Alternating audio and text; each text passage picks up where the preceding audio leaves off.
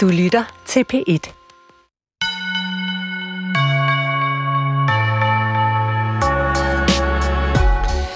Vi har lige taget hul på 2022. Fremtiden er med andre ord i gang. Men har du nogensinde tænkt på, hvordan den rigtige fremtid ser ud? Den fremtid, der ligger længere ude i fremtiden, hvis man kan sige det sådan. Det har dagens forfatter, Viggo Bjerring. I hans fremtid arbejder de højt uddannede som teknologiske daglejere, hyret af globale firmaer på nettet. Under daglejerne så finder man de unødige, altså de stakkels arbejdsløse, der ikke længere er brug for i den nye Danmark, hvor de basale velfærdsrettigheder er afskaffet og hvor økokapitalismen hersker. I fremtiden der har vi nemlig fået nogenlunde styr på klima, klimakrisen. Til gengæld der må underklassen leve eller dø, som den nu bedst kan. Og litteraturen i den her fremtid skrives ikke længere af forfattere, men af algoritmer, og tanken om enhver originalitet er væk. Måske er øh, selve virkeligheden simpelthen forsvundet. Det finder du ud af i dag, hvor skønlitteratur på P1 kaster sig over en ny dansk roman, Verdenshjertet, og altså også over science fiction-genren. En genre, der bruges af flere og flere yngre danske forfattere, men også en genre, der i de senere år er blevet hævet op fra den dårlige smags ildelugtende gryde, og nu er havnet på frokostbordet hos det litterære Parnas. Jeg er din vært og hedder Nana Mogensen. Velkommen indenfor. Ja, i dag skal det altså handle om fremtiden og om den litterære genre, der har særligt fokus på denne fremtid, nemlig science fiction genren. Om lidt så kan du høre et øh, længere interview med den romandebuterende forfatter Viggo Bjerring om hans fremtidsværk romanen Verdenshjertet. Og hvis du ikke er blevet overbevist om, hvor spændende science fiction kan være, så vil genrens absolute dronning, den amerikanske forfatter Ursula K. Le Guin, prøve at overbevise dig senere i udsendelsen. Nu nævnte jeg før de her mange yngre danske forfattere, som øh, trækker på science fiction-genren i deres værker, eller ligefrem skriver inden for den, øh, og særligt de her seneste 5-10 år. Altså man kunne nævne Kasper Kolding Nielsen, han har gjort det øh, lige fra debuten øh, Mount København, og senest i Frelseren fra Hvidovre, der kom sidste år. Og øh, så er der Jonas Eika, han gør det. Efter solen, Peter Adolfsen, Charlotte Weitze Olga Ravns De Ansatte, eller Ida Marie Hede øh, i romanen Suget. Alt sammen sci-fi. Jeg spørger også dagens forfatter Viggo Bjerring, hvorfor han tror, at den her genre er blevet så populær lige nu.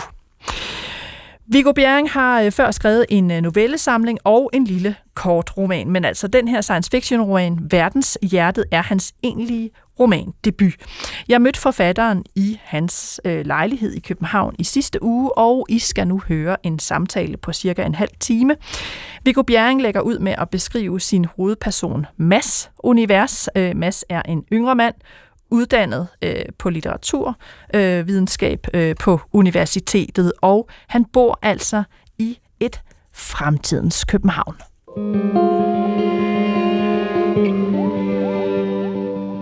vi befinder os i sådan lidt, øh, et lidt kulslået univers, hvor der er sådan lidt, der er lidt flosset øh, tapet på væggene. Det er sådan en, en lejelejlighed, og ja, nok i, i virkeligheden en meget klassisk øh, sådan toværelses øh, københavnerlejlighed. Men den er lidt nedslidt, den er ikke, den er ikke sådan lige blevet renoveret af udlejeren, og øh, ja, ham her Mads, han kæmper med at få penge til huslejen hver eneste måned, og ja, der, der, der, der er nok sådan en lille smule rodet og en lille smule smadret, og han er ikke sådan en stor indretningsarkitekt, vil jeg sige. Og nu sidder vi så i den lejlighed, hvor du også har skrevet lidt af romanen, men, men den er væsentligt større, øhm, og du har budt mig på kaffe jeg tænker, ville Mads have, have overhovedet have råd til at byde nogle gæster på kaffe? Inviterer han gæster hjem i sin lejlighed? Det tror jeg ikke. Altså, han, han har vel nærmest ingen gæster i, øh, i løbet af romanen. Han har, han har ikke så mange sociale kontakter, han er meget isoleret i det hele taget, så han er ikke sådan den store socializer. Øhm, nej, han, han, er, han, er en, han er en ensom eksistens, og jeg ved ikke, hvad han vil invitere folk på. Måske... Øh, et glas vand og en banan. Han spiser mange bananer. Han har sådan en mærkelig tanke om, at han, når han er ude at handle, så køber han sådan havregryn og sådan meget billige fødevarer, men, men særligt enlige bananer. Hvorfor bliver han ved med at købe sådan, altså når man du ved, bryder en klase op, så ligger der altid sådan en eller anden banan, man ikke vil have med, der er sådan lidt brun og hakket. Hvorfor bliver han ved med at gå og samle dem op og købe dem? Jamen på et eller andet tidspunkt, så har han læst øh, en artikel på nettet om single-bananer, om det her fænomen single-bananer. Øh, singlebanerne de opstår, fordi at der åbenbart er mange mennesker, der ikke kan lide at, at tage en enlig banan, men gerne vil have bananer i klasser, fordi de er bange for, at andre kunder har trykket på bananen, eller, eller også kan de bare bedre lide bananer i klasser, og Mads han beslutter sig for, så for, at øh, han, han vil gerne redde de her single-bananer, så, så hans indkøb består primært af ja, havregryn og mælk og single-bananer. Jeg ved ikke, om det er en særlig sund diæt, men det siger måske også lidt om hans øh, levemåde i det hele taget. Altså han virker som sådan lidt en særlig fyr, øh, som har sådan sine egne standarder. Han er jo en del af det, man kunne kalde, og som mange kalder, prekariatet. Altså de her løst ansatte mennesker, som øh, ligesom arbejder fra opgave til opgave, som ikke har sådan en stabil økonomi, og som på en eller anden måde bliver en del af en form for underklasse. Prøv at fortælle mig, hvor det er, han arbejder henne, fordi det er sådan ret specielt. Jamen, han er vel en del af det, man også skal kalde platformsøkonomien. Han arbejder på den her online platform, der hedder Easy Jobs, øhm, hvor der er alle mulige forskellige typer af, af jobs, men han, øhm, han finder så sine jobs ind, ind i den kategori, der hedder tekst og korrektur og redaktion, hvor han så finder alle mulige små øh, korrekturjobs og øh, redigerer pressemeddelelser og nogle koreanske sæbereklamer og alle mulige underlige småjobs fra firmaer, der lige skal have korrekturlæst to sider klokken 5 om natten, fordi de sidder et eller andet sted over i Kina og skal servicere deres marked der. Og det er jo øh, bittesmå jobs, han får 500 eller 1000 kroner for, og Ja, så er, der, så er der lige til huslejen hver måned, men det er sådan fra måned til måned, og det er så det, der er det prekære ved det, at der er ikke, der er ikke sådan de store øh, fremtidsudsigter. Det er svært at, at drømme, når man hele tiden skal tænke på den næste husleje og den næste øh, pose singlebananer, ikke?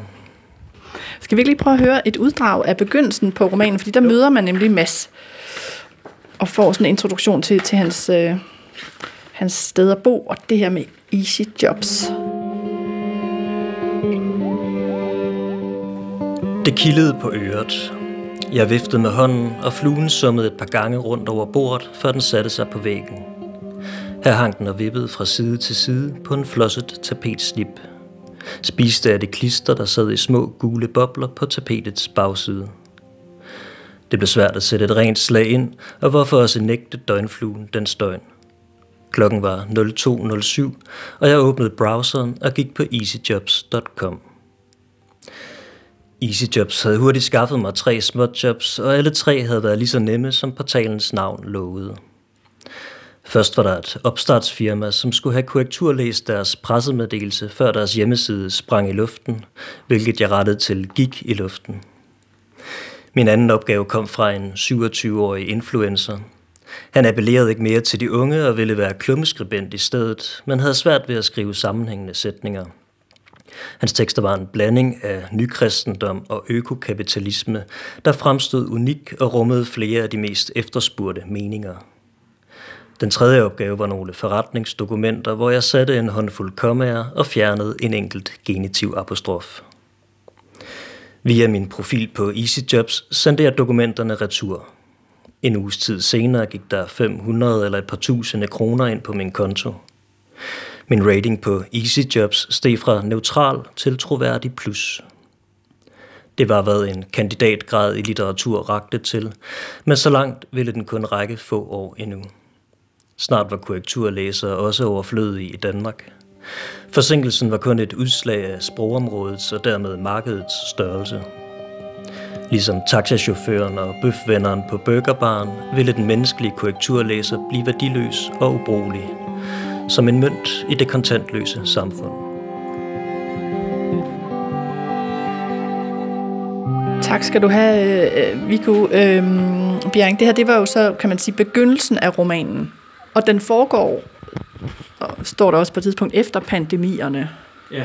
Og, og der har også været nogle oversvømmelser i nogle steder i Europa. Altså, øh, hvornår skal man forestille sig, at, at, øh, at det her finder sted? Det bliver ikke sådan uh, tidsfæstet, 100% med et øh, bestemt årstal, men man kan i hvert fald regne ud, at det sådan er efter 2028, så et eller andet, i, i nær fremtid vil jeg sige, et eller andet tidspunkt mellem måske 2028 og 2035, et eller andet sted i et tidsrum, ja. Men den her måde, som Mads arbejder på, er jo sådan set ret realistisk. Jeg ved, du også selv har altså nærmest tjent penge på, altså på sådan nogle platforme med at, at korrekturlæse og sådan noget. Ja, det er jo ikke særlig langt fra en virkelighed, der allerede findes i dag, kan man sige. Øh, jeg har helt sikkert trukket på nogle af mine egne erfaringer, og jeg kender mange, der er en del af, af prekariatet, eller, eller hvad man nu skal kalde det. Øh, ja, folk i kulturbranchen, eller akademiske daglejere, der, der lever fra det ene småjob til det andet, og på den måde ligger det ikke så langt fra, øh, fra nogle øh, fra nogle menneskers tilværelse allerede i dag, men jeg har selvfølgelig fremskrevet det lidt i, også i en lidt dystopisk retning, vil man erfare, hvis man læser bogen. Så man skal forestille sig, at det er et samfund, hvor kapitalismen stadig hersker, men der er sådan, altså det, du kalder økokapitalisme. Hvad, hvad, hvordan skal den forstås, den kapitalismeform? Hvad er det for et system, der, der er? Det er en øh, kapitalisme, hvor man har måttet indse, nu nævnte du selv de der oversvømmelser, øh, som der så øh, ifølge bogen her har været i Centraleuropa i midten af, af 2020'erne, som har gjort, at selv de mest øh, reaktionære øh, typer må, må indse, at der skal gøres noget ved klima- og miljøkrisen. Og det her har betydet, at man så må øh, ja, øh, gøre noget ved, ved forbruget og CO2-udslippet osv. osv. Og, øh, og det har så skabt en ny form for kapitalisme, hvor man har ind, indoptaget noget af den, den grønne kritik, kan man sige. Og det er, jo, det er jo noget, kapitalismen tidligere har vist sig i stand til at indoptage forskellige kritikker.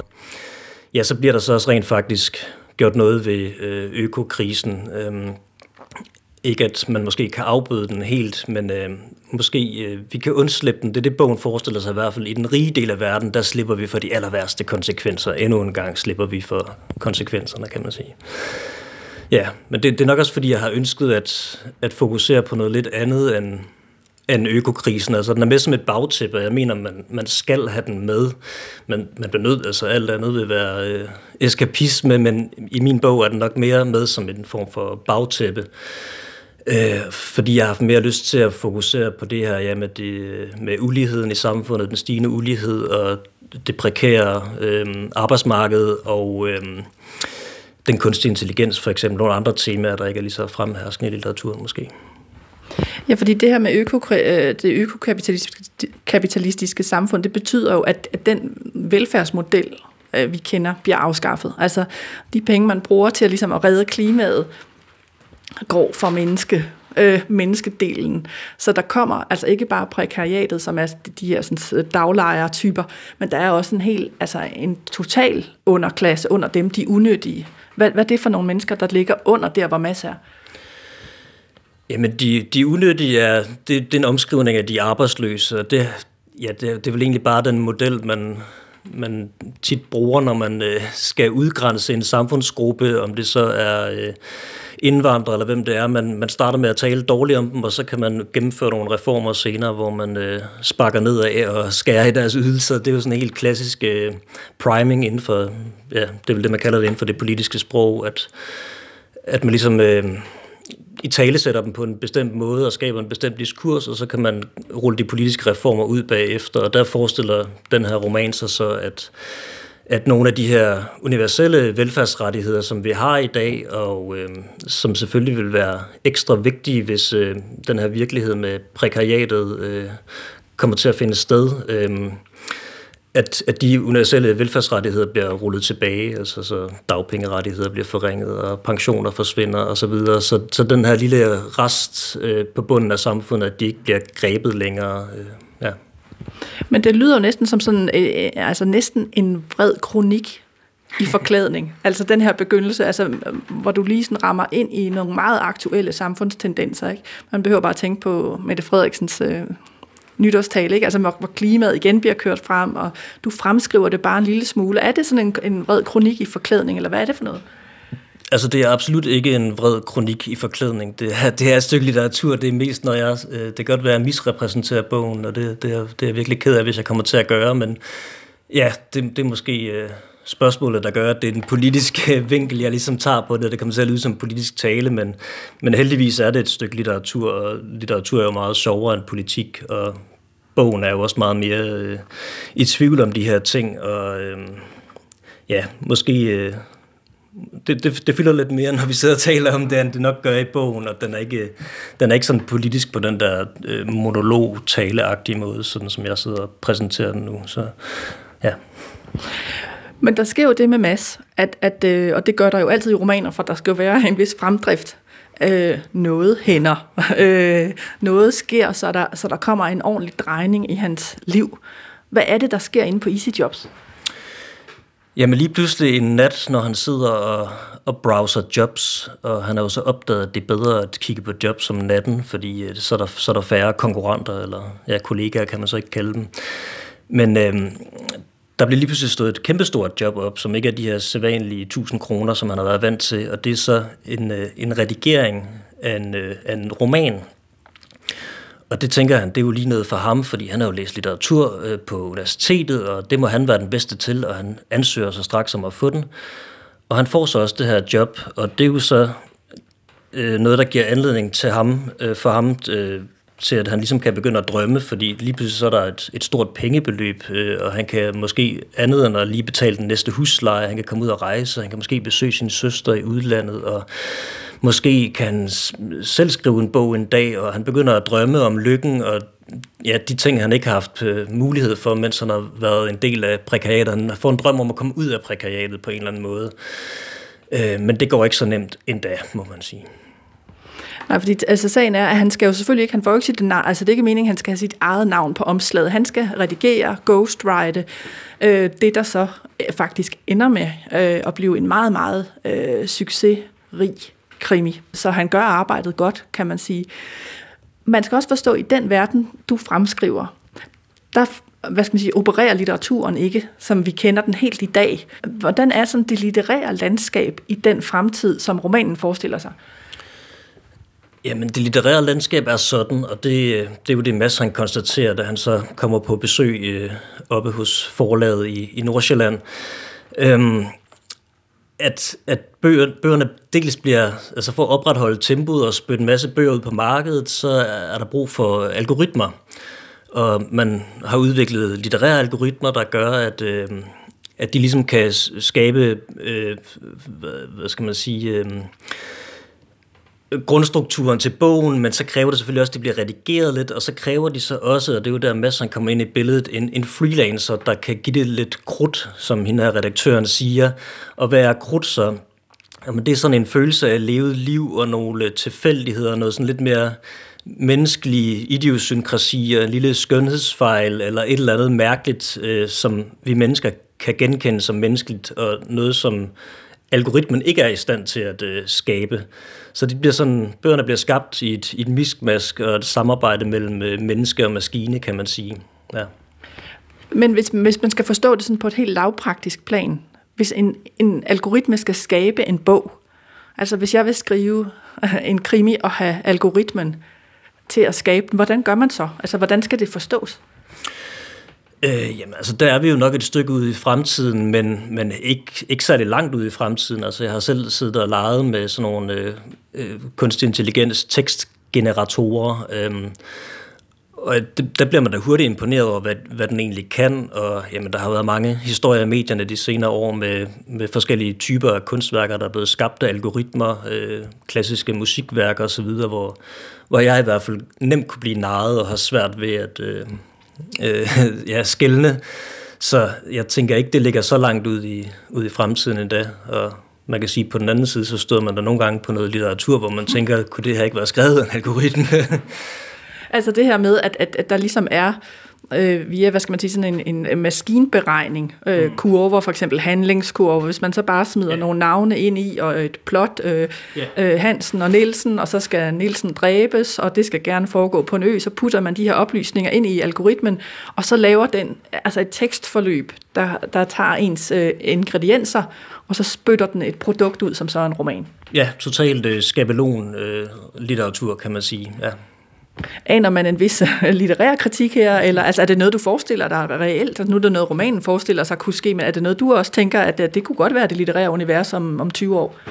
Jamen, det, det forestiller jeg mig langt hen ad vejen. Øh, altså, ligesom øh, masser af frygter i det, jeg læste op, øh, at blive arbejdsløs som korrekturlæser. Altså, nu har jeg også selv arbejdet med at læse korrektur. Altså, det tænker jeg da, at, at job, der i et eller andet omfang forsvinder. Altså, hvis man er korrekturlæser på engelsk den dag i dag, så, øh, så er der nogle øh, øh, hvad hedder det, programmer, der er ret gode til det allerede, vil jeg sige. Og, øh, på den samme måde kan man da godt frygte som, som kunstner også, at, øh, eller som forfatter, at det på en eller anden måde også bliver, øh, at man skal konkurrere med nogle maskiner på et eller andet tidspunkt. Altså det er jo, det er jo nok det er jo et område, hvor vi altid har sagt, at det, der kommer maskinerne aldrig ind. Det kan godt være, at de kan lære at spille skak og så videre og så videre, men, men det kunstneriske område, hvor mennesker virkelig føler og er i stand til at skabe noget unikt og så videre, og det vrænger bogen på en eller anden måde lidt af.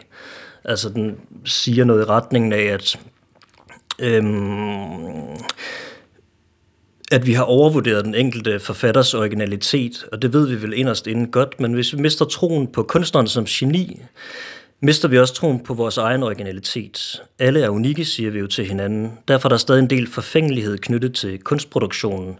Algoritmer bliver stadig betragtet som inautentiske og usexede. Det siger hende her redaktøren til, til Mads på et tidspunkt. Øh, det håber jeg jo selvfølgelig et eller andet sted ikke er sandt, og, og man kan jo vel ja, det man kan gøre som forfatter er vel bare at, at, at sprælle lidt i forhold til de algoritmer og forsøge at uh, bryde de mønstre, der er og så videre. Men, uh, men på den anden side, så har vi også nogle mønstre med os, og nogle kulturelle mønstre osv., og spørgsmålet er, hvor stor forskellen egentlig er mellem, øh, mellem de matricer, de kulturelle matricer og, og mønstre, vi, vi skriver efter som forfattere, de, de sproglige veje, vi finder, og, og det en algoritme kunne producere. Det er der sådan noget, jeg nogle gange spekulerer over om natten. Men det kunne også godt være, at en, en algoritme kunne, øh, altså kunne producere det her interview, eller hvad? Altså det algoritmen ikke kan, det er så de skævheder, eller overraskelser fra mønstret i virkeligheden. Det, det tror jeg, du har ret i. Altså, en algoritme vil, den kan selvfølgelig godt produceres til at sidde og sige mm, og, og så videre, og, og, og være lidt nervøs, som, som jeg er nu. Altså, men et eller andet sted, så kan man vel bare håbe, at det, det ikke er sådan, at vi har et eller andet, en eller anden rest af, af menneskelighed, som er unik og, og så videre. Det kunne måske for eksempel bestå i det, at vi har en, en form for oplevende bevidsthed, som, som computeren ikke har i samme forstand, eller som algoritmen ikke har i samme forstand. Men man kan i hvert fald også sige, at din roman bryder jo så i hvert fald også med, med noget øh, gængst mønster, i hvert fald, fordi den starter jo sådan set ret realistisk. Altså, det her kunne finde sted, og ja, der, altså, det er en, en, i en nær fremtid, øh, og det, det her arbejdsmarked er altså helt plausibelt, og, og, og, og klimabeskrivelsen er helt plausibel, og, og den her mand, Mads får en opgave øh, ved EasyJobs, det er også helt plausibelt. Øh, men så begynder tingene jo at skride langsomt i romanen. Altså hvis man tænker, det er en realistisk roman i starten, så bliver man meget hurtigt ført over i, at det nok er øh, en slags science fiction. Han, han får lavet den første roman, den bliver en stor succes, så tager han til Tyskland, fordi han får opgaven med at skrive en toer. Øh, og her denne gang for flere penge. Og hvad er det, der sker i Tyskland? Altså, fordi det er jo for alvor i Tyskland, at, at virkeligheden begynder sådan at blive hullet og mærkelig. Og... Ja, der begynder det for alvor at skride for hovedpersonen, og det bliver sådan en, en rejse i virkelighedsniveauer og bevidsthedsniveauer og man sidder nok som læser, eller det håber jeg i hvert fald, og er i tvivl i, i, en utrolig, et utroligt langt stræk om, hvad der er virkeligt og hvad der er uvirkeligt, og den ligger sådan og, og vipper på mange måder imellem det, og man er måske også nogle gange i tvivl om, man skal grine eller græde, og den ligger sådan på en eller anden underlig balance mellem det, og det, det er i hvert fald det, jeg, jeg håber, jeg har fået skrevet frem på en eller anden måde, og godt, og godt selv kan lide. Men der, der begynder virkelighedsniveauerne for alvor at skride for ham i Berlin, hvor han er taget ned for at undersøge sin hovedkarakters øh, baggrund. Øh, hovedkarakteren i den her thriller er en helt anden øh, mandetype end, end hovedkarakteren Mads er. Det er sådan en rigtig macho-mand. Øh, han er øh, krigsfotograf og bliver så direkte engageret i en krig nede i Mellemøsten på en eller anden måde. Og øh, øh, ja, Og, og, og jeg synes, vi skal høre en passage fra romanen også, hvor han, altså man skal lige forstå, at det forlag, der har hyret Mads, har jo så sat et andet billede på. Altså de har ligesom opfundet den forfatter, der skulle have skrevet øh, romanerne, eller den første roman. Hvad er det, han hedder? Jamen han hedder øh, Magnus Ågaard Svendsen. Mm. og hele den her forfatterperson er, er også konstrueret på en meget øh, moderne façon. Altså, øh, hvad hedder det, billedet af ham er også bare øh, købt på internettet. Det er en eller anden øh, fyr i øh, hvad hedder det, Sydamerika, der ser godt ud, øh, og, og ligner en rigtig tall, dark stranger, og det passer godt til romantypen og så videre. Og på den måde er hele romanen et, et, et meget sådan industrielt øh, produkt, kan man sige. Ja. Og, altså, og så nu er Mads i Berlin, og hvad er det så, han oplever? Lad os prøve at høre øh, sådan en passage. Han er i Berlin, og øh, nu er han lige øh, gået ud på gaden og er ret godt forvirret over, hvad der sådan sker omkring ham og så videre. Da jeg kom til en form for bevidsthed igen, stod jeg og glanede foran to store og oplyste vinduer. Det var blevet aften. Bag ruden til højre var der mennesker med vægte og mennesker på løbebånd. Bag ruden til venstre var en yoga-lektion i gang. Fire rækker af unge og midaldrende kvinder med ryggen til mig. En velbygget mandlig instruktør, der stod med siden til. Lignede han ikke Magnus Ågaard Svendsen? Jeg knep øjnene sammen. Det kunne ikke være ham, men ligheden var godt nok slående. Instruktøren var yngre end Magnus Ågaard Svendsen, sagde jeg til mig selv.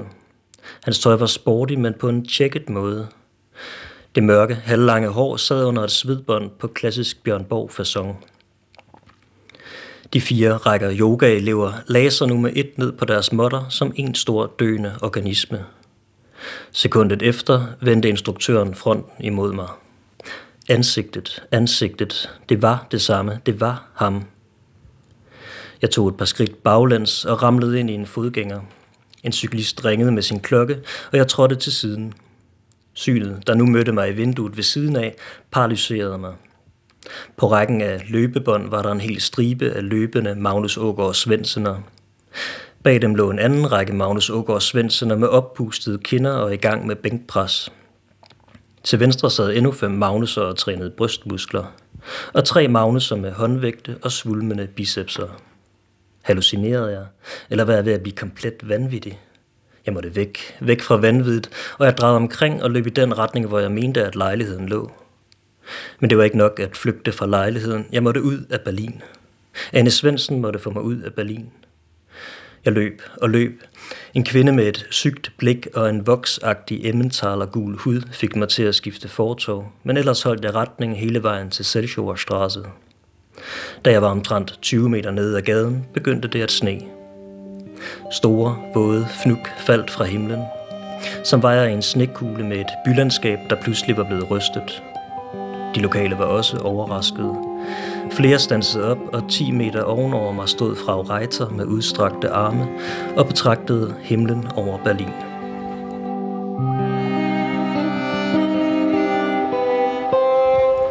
Ja, himlen over Berlin. En lille, en lille callback til, til, øh, til Wim Wenders filmen øh, muligvis. Men, øh, men det her med, at, at hovedpersonen Mads så begynder at se øh, hvad skal man sige, multiplikationer af en karakter, der er skabt fiktivt. Altså, hvor end han kigger, så er der den her forfatterpersona.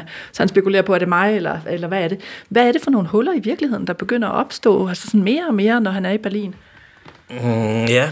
ja, hvad kan jeg sige, uden at afsløre for meget? Øhm, altså, man fornemmer i hvert fald, at, at der er flere niveauer af, af virkelighed og bevidsthed, der, der konkurrerer eller slås, som jeg også sagde, og det spiller selvfølgelig også sammen med hele den her algoritmetanke og en forestilling om, om simuleret virkelighed, og Mads begynder at få visse, visse mistanker, som, som bliver stærkere og stærkere mod bogens slutning. Øhm, og så tror jeg ikke, jeg vil afsnøre mere. Men øh, altså, når nogen tænker på science fiction, så tænker de, okay, det kan være noget, der foregår meget langt ude i fremtiden. Vi er på en eller anden øh, vild planet. Øh, der er kun tøris og rumskibe og bip bip. Altså, hvis jeg nu karikerer det lidt, ikke? Hvad er det her for en slags science fiction, hvis du skal prøve at sætte ord på? Fordi det er jo sådan en virkelighed, der bare sådan, der lige har en, en bøjning, eller sådan. Ja, både og. Altså, jeg, jeg tænker, at jeg, jeg vil måske alligevel gerne overraske med, hvor, hvor meget science fiction den er. Altså, der er nogen, der skældner mellem, mellem blød og hård science fiction, og der er den jo helt klart øh, øh en form for blød science fiction til at starte med. En science fiction, der interesserer sig for psykologi og samfundsforhold osv. osv. Men så har den måske alligevel en, en skarp brød på en eller anden måde. Altså, jeg, jeg gerne vil have... Øh, altså, de her algoritmer, som betyder så utrolig meget for vores hverdag, øh, i forhold til tech-virksomhederne og de her sociale medier, øh, der på mange måder er inde og rode og pille ved vores følelsesliv. Altså de algoritmer har jeg også gerne vil få helt ind i, i hjertet af, af litteraturen og ind i hjertet af den her roman, så at sige, og i måden den fungerer på og opfører sig som litteratur på. Sådan vil jeg formulere det, tror jeg. Og den hedder jo også øh, Verdens Hjertet, kan man jo lige øh, bemærke sig, eller mærke sig, men, men, men øh, men det jeg tænkte på, at der er jo mange tendenser lige nu i dansk litteratur. Der er jo den autofiktiv, som ligesom øh, kører og har kørt i lang tid, og der er mange debuterende, det er din første roman, det er ikke din første bog, men din første roman. Der er mange forfattere, der det, romandebuterer med noget autofiktivt, ikke? Men der er også, så er der den historiske roman, eller det man kalder øh, exofiktion, men så er der også, øh, synes jeg, en, en tendens, som man kunne kalde science fiction-tendensen. Ja. Både i forhold til oversat litteratur, der kommer mange øh, genoversættelser af klassikere, men der er også mange danske forfattere, der skriver science fiction, og nu skriver jeg lige lidt af dem ned. Og det er sådan inden for de sidste 10 år, eller sådan noget. Jonas Eika, øh, der er jo en del i Efter Solen, Olga Ravn, de ansatte, Kasper Kolding, øh, science fiction igennem en del af forfatterskabet, Peter Adolfsen, øh, Charlotte Weitz, der er jo også nogle science fiction elementer. Øh, hvorfor har du valgt den genre til din første roman? Det har jeg nok, fordi... Øh Altså, jeg synes, den, jeg, jeg, jeg plejer ikke at tale så meget om, om science fiction, men jeg bruger et lidt bredere begreb, jeg kalder det spekulativ fiktion, fordi det tager også ligesom fantasy, horror, alle mulige andre øh, undergenre med. Og øh, jamen, jeg synes, det er en meget, meget vigtig genre lige nu, fordi at øh, på grund af alle de her forskellige kriser, vi står i, og fordi fremtiden virker utrolig uvis, og og på mange måder angstfuld. Altså, jeg oplever en meget stor angst i fremtiden. Jeg mærker den selv, og, og, og der synes jeg, at den spekulative fiktion, at det den kan, er at gå ind i fremtiden og undersøge den her angst, der og, og på en eller anden måde øh, ja, udforske den, spekulere over den. Og det synes jeg på en eller anden måde, så, har, så, så er det jo lidt sjovt, fordi mange af de her genrer, øh, ja, især fantasy og horror og den slags, men også science fiction har jo været nedvurderet i mange år. Men lige pludselig så ja, så er de kommet ind på parnasset og har fået anseelse, og det synes jeg bare er helt vildt fedt. Fordi det er vigtige genrer, fordi de kan et eller andet særligt. Øhm, i forhold til ja, den, den situation, vi står i, synes jeg, at de er ligesom blevet dømt ude som værende eskapistiske og underlødige på en eller anden måde, men nu er det måske nærmere den, den gammeldags øh, køkkenbordsrealisme, der kan tage sig lettere eskapistisk ud, når vi står midt i alle de her kriser, øh, pandemi, klimakrise og den, ja, den teknologiske disruption-krise kan vi vist også godt øh, tale om. Det, det er jo det, jeg beskæftiger mig meget med i den her bog, og der synes jeg virkelig, at den spekulative litteratur kan noget og har sin berettigelse. Ja. Men hvorfor er science fiction, eller det du kalder spekulativ litteratur, bedre til at, at gå ind og, og udforske den angst, som mange har lige nu? Altså uanset om man skriver eller øh, fremtidsangst for klima, eller øh, øh, økonomi og velfærd, eller pandemierne. Altså hvorfor er den her genre særlig velegnet til det? Øh, jamen det er jo heller ikke, fordi jeg vil afskrive nogle former for realisme eller andre typer litteratur. Altså jeg holder af alle mulige typer af litteratur, og jeg, på en eller anden måde, så er det, så er det bare muligt at, øhm, jamen, at, at undersøge det meget... Øhm, altså jeg har i hvert fald en oplevelse af, at, at fremtiden står, står pivåben nu, og det var nok ikke en oplevelse, man havde på samme måde i, i 90'erne og i starten af 0'erne. Der forestillede vi os jo bare, at det skulle være mere og mere af det samme, mere og mere forbrug og flere og flere demokratier verden over osv., men de seneste år har jo bare vist, at virkeligheden er vild, og der kan ske vilde ting. Altså hvis, hvis vi ikke har fattet det med pandemien her, altså, så tænker jeg, så vil, vil vi meget snart forstå det med økokrisen, om ikke andet. Altså at at, at fremtiden er et, et stort mulighedsrum, og vi er nødt til at handle og agere, og der tænker jeg på en eller anden måde, at, at, øh, at romanen, den spekulative fiktion, har sin store berettelse at kunne ja, udforske og spekulere over det her fremtidsrum. Ja. Men så er mit sidste spørgsmål jo nærmest, altså om du har fået ro på din angst ved at skrive den her roman, øh, eller om du tværtimod har fået skabt dig endnu mere fremtidsangst ved at skrive den her. Øh, det føles i hvert fald godt at skrive den, men jeg tror, der, jeg tror, der har udviklet sig en mere kvalificeret angst, kan man måske sige.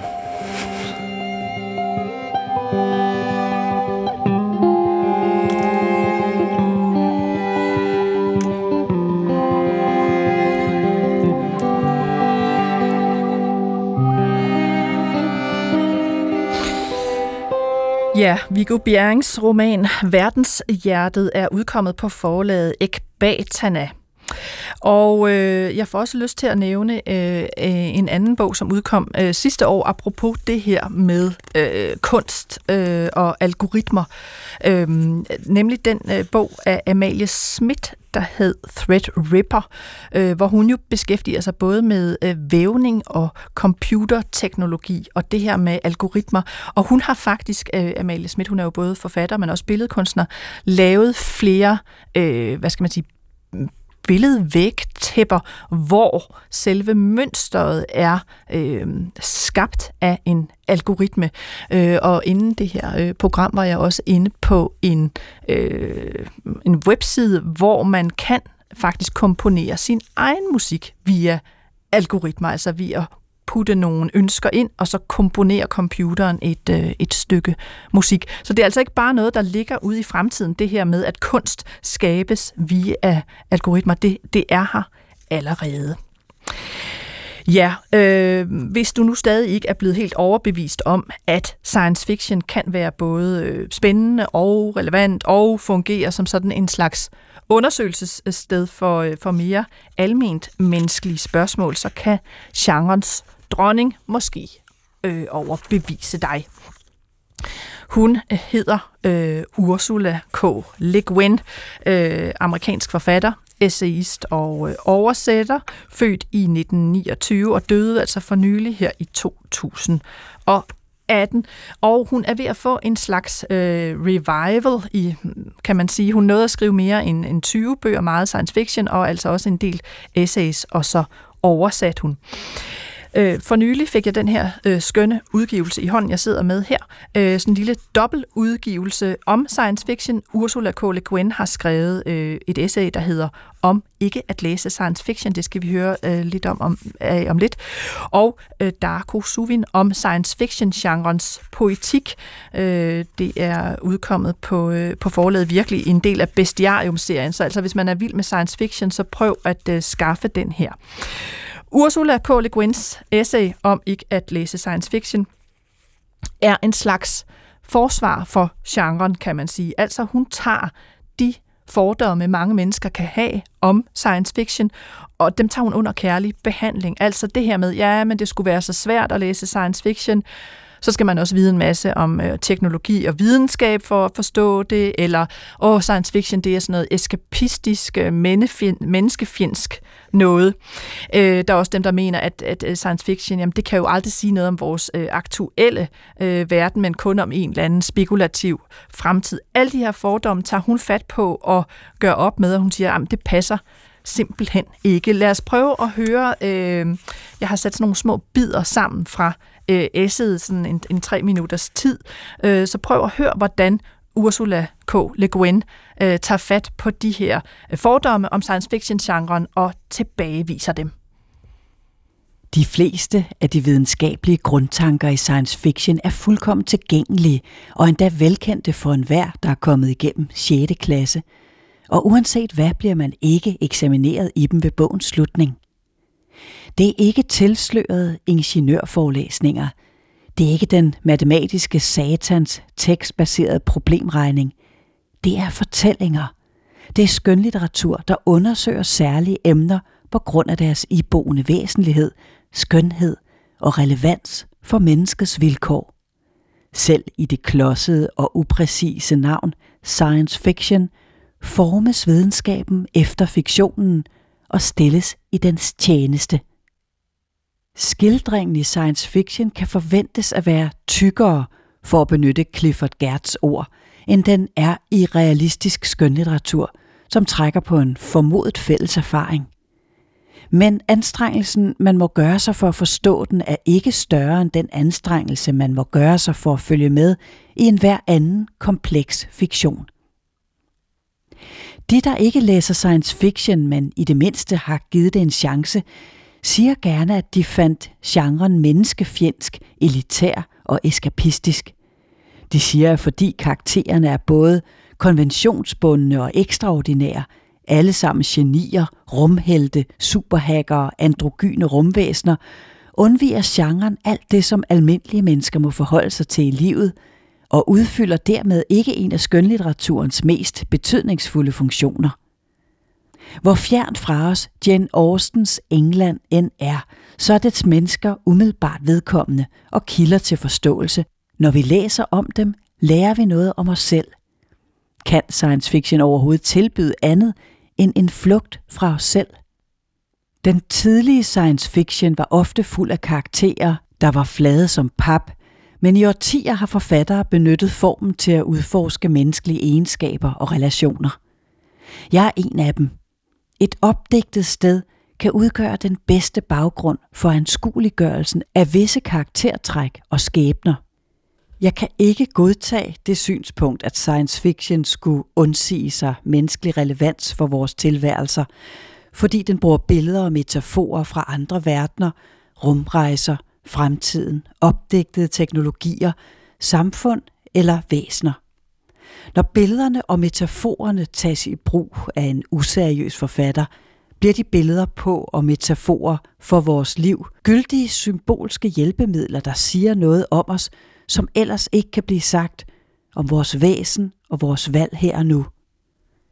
Det som science fiction gør, er at udvide vores her og nu. Ja, det var Katarina Lefkovic, min kollega Katarina Lefkovic, der altså læste her øh, nogle bidder af det essay, som, øh, som øh, hvad hedder hun, øh, Ursula øh, K. Le Guin har skrevet om ikke at læse science fiction. Det er fra 1994 øh, essayet, men altså lige øh, oversat i den her meget fine lille udgave, jeg sidder med. Her det er oversat af Rasmus Brink Pedersen. Og øh, altså udkommet på forlaget øh, virkelig i den serie, der hedder øh, Bestiarium. Og så kan jeg jo også afsløre for dem, der er Ursula K. Le Guin-fans, og jeg ved, der er rigtig mange. Indtil videre har man måttet skaffe hendes øh, science fiction-romaner sådan meget antikvarisk eller på print on demand. Det har været lidt svært at finde. Men at senere i år øh, sker der noget øh, stort, kan jeg afsløre her i programmet. Nemlig, vi får på dansk en nyoversættelse af et af hendes absolute science fiction hovedværker. Øh, den roman fra 1969, der hedder Mørkets venstre hånd. Og det er forfatteren Siri Ranva Hjelm Jacobsen, der er i gang med at oversætte den. Og øh, hvis man husker tilbage på et af de forrige programmer, så var det jo hende med øh, Daphne-syndromet, som jo også altså den bog havde jo også nogle, hvad skal man sige, science fiction-agtige elementer, hvor noget foregik i en eller anden øh, fremtid. Så altså en meget passende forfatter, at sætte til at oversætte denne klassiker. Så altså vent til sådan omkring slutningen af i år, øh, hold øje med Gyldendal øh, og deres skala-serie, så kommer der altså noget mere øh, Ursula K. Le Guin. Og jeg synes, vi skal prøve at høre et lille klip med damen selv, jeg har fundet en øh, interviewbid, som er fra 2014-15 stykker, øh, hvor hun fortæller lidt om det her med, hvad er det, at science fiction-genren kan tilbyde, som den realistiske fiktion ikke kan tilbyde på samme måde. Jeg skal nok oversætte bagefter, men prøv at høre med her de næste sådan omkring 40 sekunder. If you make it up, you can um, kind of open the door to possibilities. Uh, where if you're writing mimetic fiction, realistic fiction, fiction that says this is how it is, you know, uh, in a sense, the doors are all closed. And this, this is one of the things that I think imaginative fiction has, has always done. Uh, is sort of throw a door or a window open and say, well, you know, what if, what if we went out there and found out what's happening outside. Ja, altså hovedpointerne i det, hun siger her, det er jo, at, at hvis man i modsætning til realistisk fiction, øh, make it up, altså laver sådan en helt, øh, hvad skal man sige, spekulativ fremmed verden, så er det som om, siger hun, at der er nogle døre, der åbnes. Øh, altså, der er en eller anden øh, frihed i det. Øh, også det, man giver tanken helt fri og tænker, jamen, hvad nu hvis? Øh, hun er ret fantastisk. Der er også lavet en meget fin øh, dokumentarfilm om hende, som man vist kan finde forskellige steder på nettet. Og man kan altså også øh, høre resten af det her øh, interview, hvis man går ind på Forfatterweb. Hun er øh, en meget særlig forfatter, og jeg tror, der vil komme endnu mere øh, Ursula K. Le Guin i den kommende tid. Vi skal have øh, lidt musik, inden jeg har øh, nok en smagsprøve på øh, en klassiker i forhold til science fiction-genren, men vi skal have lidt øh, musik, der knytter sig til forfatterens værker. Øh, hvis jeg nu siger Solaris, så er der nok øh, nogen, der siger, hov, var det ikke den polske forfatter Stanislav Lem, der skrev den. Øhm, og det er der øh, en god grund til, for det var ham, der stod bag romanen, og den er blevet filmatiseret mange gange. Den mest kendte er jo nok øh, Andrei Tarkovskis film i 1972. Solaris-filmen er også blevet filmatiseret så sent som i 2002. Der var det Steven Soderbergh, der øh, filmatiserede den, og vi skal have lidt musik øh, fra den film. Det er det nummer, der hedder First Sleep.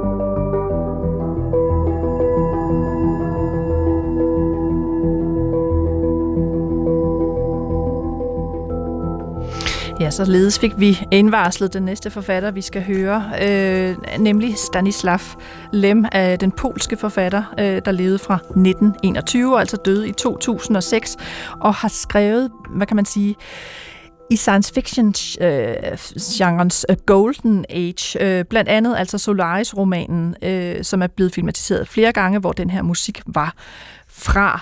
Øh, den roman, jeg sidder med nu, kom i slutningen af sidste år, altså en af de mere eller mindre kendte romaner, som hedder øh, Eden.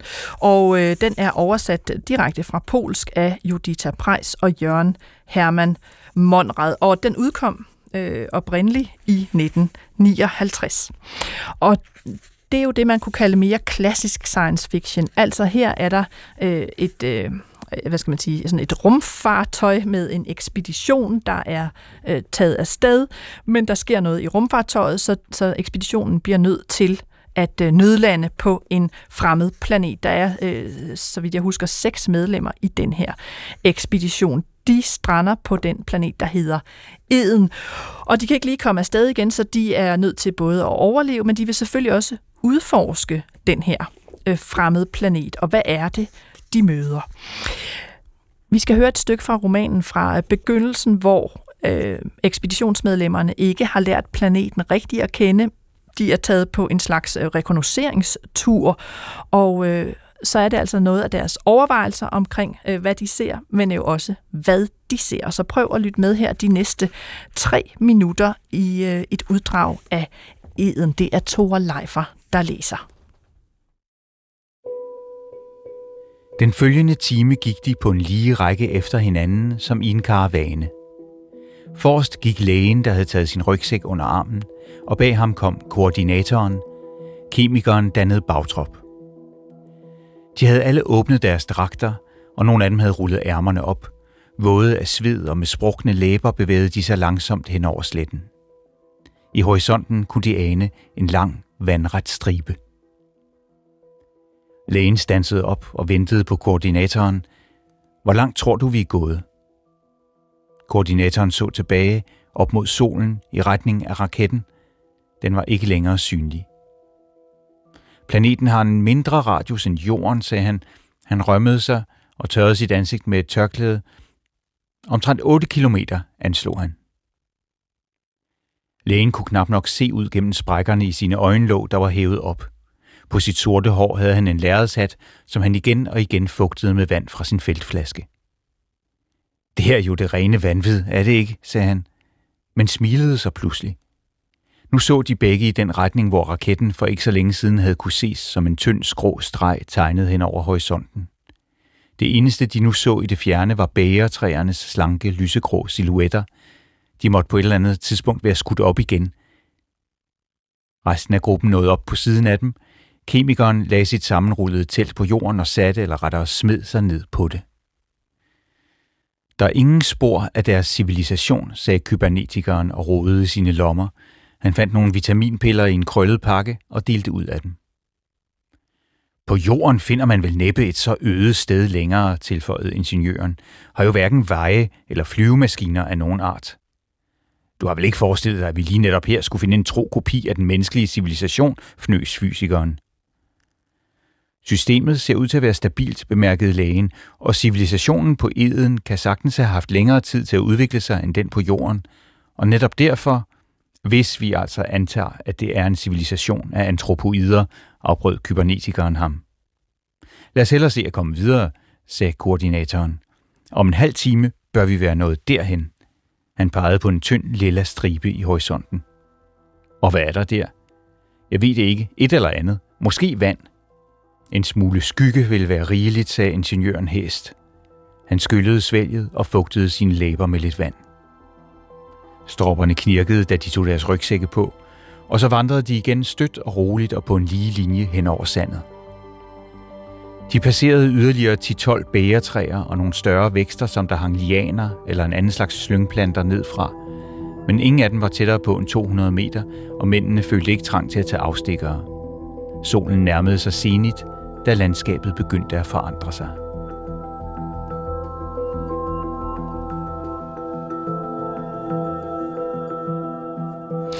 Ja, det var Thor Leif, og der læste et uddrag her af øh, Stanislav Lems øh, klassiker, science fiction klassiker, Eden, udkommet på øh, forlaget Kosmos. Jeg får også lyst til at nævne øh, en anden roman, der øh, blev øh, nyoversat sidste år, som jeg sidder med her. Også en science fiction klassiker skrevet af en, en kvindelig forfatter, øh, nemlig øh, Karin Bøje. Det er den roman, der hedder Kalukain, og den øh, er oversat af Birgitte Steffen Nielsen og Juliane Vammen, og øh, den er udkommet på Palomar, sjovt nok med efterord af Ida Marie Hede, jo, som altså selv har skrevet en science fiction roman, den der hedder øh, Suget. Og i den øh, roman, der får, øh, altså der er der sådan et stof, et nyt stof, der bliver tilgængeligt, og det er øh, det, der hedder kalokain, og det er et sandhedsserum, som altså får mennesker til at, at fortælle deres øh, inderste hemmeligheder. Og det kan jo bruges i totalitær øh, sammenhæng i den her verdensstat, men det viser sig altså også, at når man får det her stof, øh, så kan der også ske andre ting. Så altså en øh, suveræn klassiker af, af Karin Bøje, Kalokain, som jeg varmt øh, kan anbefale udkommet på forlaget Palomar. Der kommer mere Karin Bøje øh, her i løbet af i år.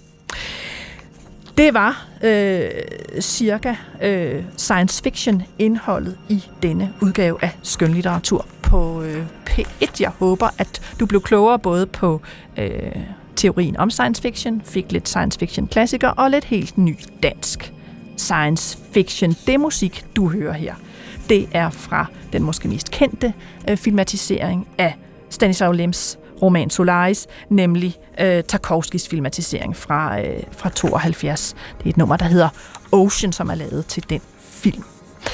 Skønlitteratur på P1 er slut for den her gang. Jeg var din vært og hedder Nana Mogensen, og jeg fik hjælp af Steffen Klint, Line Fabricius og Anna Sonja Brun. Husk, at du altid kan skrive til mig på litteratur og næste uge besøger jeg forfatter Iben Mondrup for at tale med hende om en af de mest grænseoverskridende danske romaner, jeg har læst i mange år. Det er den roman, der hedder Vito, hvor en mor indleder et seksuelt forhold til sin adoptivsøn. Vi høres ved.